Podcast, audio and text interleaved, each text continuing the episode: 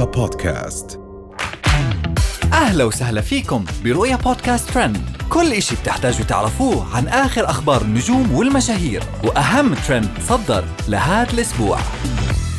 هند القحطاني تقول لابنتها شيل الكمامة لأنها تذكرني بالنقاب. وشمس الكويتية تخرج عن صمتها وتسخر من أليسا ومريم فارس. أما يعقوب بوشهري يصرح أنا نادم على زواجي من فاطمة الأنصاري. في السعودية تسببت الفاشينيستا السعودية هند القحطاني بحالة جدل كبيرة على منصات التواصل الاجتماعي بعد تصريحها عن النقاب. هند القحطاني ظهرت في مقطع فيديو مع ابنتها الكبرى رؤى عبرت فيه عن كرهها للنقاب. ليعيد مستخدمو منصات التواصل الاجتماعي نشر مقطع الفيديو بكلمات تضمنت هجوم حاد على القحطاني.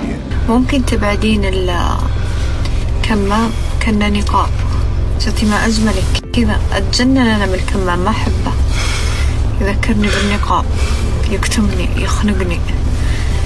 وفي مقطع الفيديو ظهرت ابنة هند القحطاني وهي لابسة الكمامة. لتطلب منها والدتها هند إنها تشيل الكمامة والحديث بدونها لأنه الكمامة بتذكرها بالنقاب. حديث هند القحطاني استفز عدد كبير من المتابعين.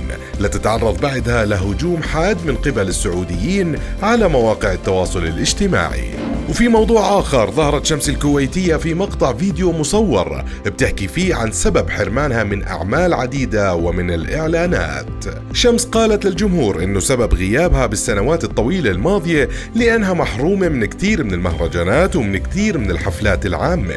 كل ما حد يطلبني في حفلة ولا يطلبني في مهرجان ولا يطلبني بخصوص إعلان عالمي يعني شركات أجنبية وشركات مرتبة وكذي يرد عليهم لا لا لا لا لا تجيبون شمس. شمس جريئة ولبسها جريء. تسوي مشاكل بلبسها. وذكرت شمس في نفس مقطع الفيديو أسماء فنانات عربيات مثل أليسا ومريم فارس مشيرة إلى أنه هدفها تسليط الضوء على النفاق عند بعض منظمين الحفلات ومش على اسم الفنانة بذاته. وفي موضوعنا الأخير بتتواصل لحد الآن الخلافات بين فهد الزهراني ونجم ال social media الكويتي يعقوب بوشهري رغم مرور أشهر على انفصال يعقوب عن زوجته الفاشينيستا السعودية فاطمة الأنصاري. وما قدر يعقوب بوشهري الالتزام بالصمت بعد الإهانات المتكررة اللي وجهها له الزهراني عبر حسابه في تويتر. فخرج بوشهري بسلسلة منشورات بيعبر فيها عن غضبه واستيائه وندمه للتقرب من عائلة الأنصاري. ووضح بوشهري أنه ما راح يسمح لنفسه بأنه يكون رجل متشبه بالنساء مثل الزهراني اللي سمح لنفسه أنه يكون رزقه على النساء. وأعرب عن ندمه لاتخاذ قرار الزواج من فاطمة الأنصاري. وهاي كانت أهم مواضيعنا لليوم. بنشوفكم الحلقة الجاي. رؤيا بودكاست.